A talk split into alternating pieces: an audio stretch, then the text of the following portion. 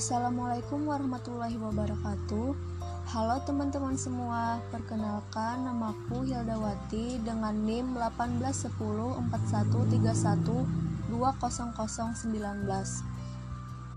dari kelas SNSB mahasiswi semester 6 di Prodi Ilmu Pemerintahan Fakultas Ilmu Sosial dan Ilmu Politik Universitas Lambung Mangkurat.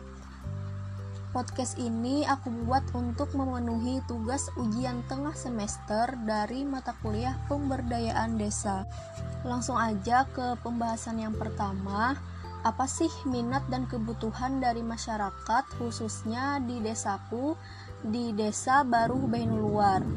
Sebelumnya, Desa Baru Bainuluar itu adalah desa yang terletak di Kecamatan Paringin Selatan, Kabupaten Balangan. Adapun minat dari masyarakatnya adalah pembangunan dan pengembangan terhadap UMKM yang dimiliki oleh masyarakat desa di mana UMKM di desa baru Luar ini dirasa belum cukup maju. Sedangkan untuk kebutuhan masyarakat desa menurut saya yang paling menonjol adalah kebutuhan akan lapangan kerja. Pelatihan-pelatihan atau kursus juga adanya pembinaan sangat dibutuhkan. Hal ini dikarenakan masyarakat desa memiliki tingkat pendidikan yang rendah dan akhirnya berdampak pada masyarakat yang minim atau kurang dalam keahlian yang dimiliki.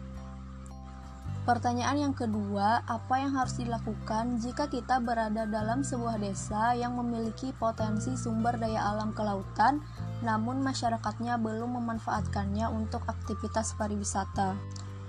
Jawabannya menurut aku adalah sudah pasti hal yang pertama dilakukan adalah membangun potensi pariwisata dari sumber daya kelautan tersebut Hal itu bisa kita mulai dari membuat video bertemakan keindahan dari pariwisata tersebut, yang mana hal ini bertujuan untuk mempromosikan wisata melalui media sosial agar lebih dikenal oleh orang-orang.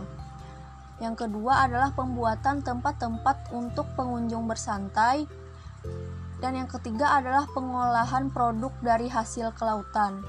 Pengolahan produk dari hasil kelautan ini dapat dijadikan sebagai produk unggulan yang dapat mendukung kegiatan pariwisata. Pada soal berikutnya adalah apa yang harus kita lakukan sebagai pemuda desa jika terjadi sebuah konflik antar masyarakat di desa tersebut. Hal yang dapat kita lakukan adalah kita harus bisa menjadi penengah atau penetral antara suku-suku yang berbeda tersebut. Ketika ada konflik, jangan membela atau memihak salah satu suku atau golongan tersebut dan berusaha bersikap netral juga mengutamakan sikap toleransi karena pada dasarnya di Indonesia terdapat banyak sekali suku dan beragam budaya juga. Jadi kita harus mengutamakan sikap toleransi ini. Pada pertanyaan terakhir kali ini adalah jika menjadi seorang presiden, program-program apa sih yang akan dibuat untuk pembangunan desa? Menurut aku, program yang pertama adalah pembentukan BUMDes. Pembentukan BUMDes ini bertujuan untuk membangun potensi usaha yang ada di desa dan yang kedua adalah program Desa Mengaji. Program ini ditujukan untuk anak-anak yang ada di desa agar anak-anak ini tidak terlalu berfokus pada gadget dan lebih memanfaatkan waktunya untuk diisi dengan kegiatan yang lebih bermanfaat. Dan program yang ketiga adalah menyediakan program lapangan kerja untuk masyarakat desa, sehingga membantu perekonomian dan tingkat kemiskinan dapat berkurang. Program yang keempat adalah pengembangan teknologi berupa sistem informasi untuk pembangunan desa. Hal ini bertujuan untuk mempercepat pembangunan dan produktivitas desa yang berbasis pada teknologi atau pengolahan data.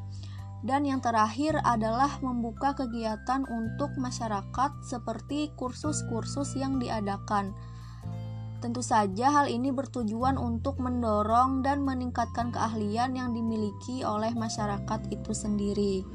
Nah, mungkin sampai sini dulu podcast aku kali ini. Mohon maaf jika terdapat banyak kesalahan. Salam dari aku. Wassalamualaikum warahmatullahi wabarakatuh.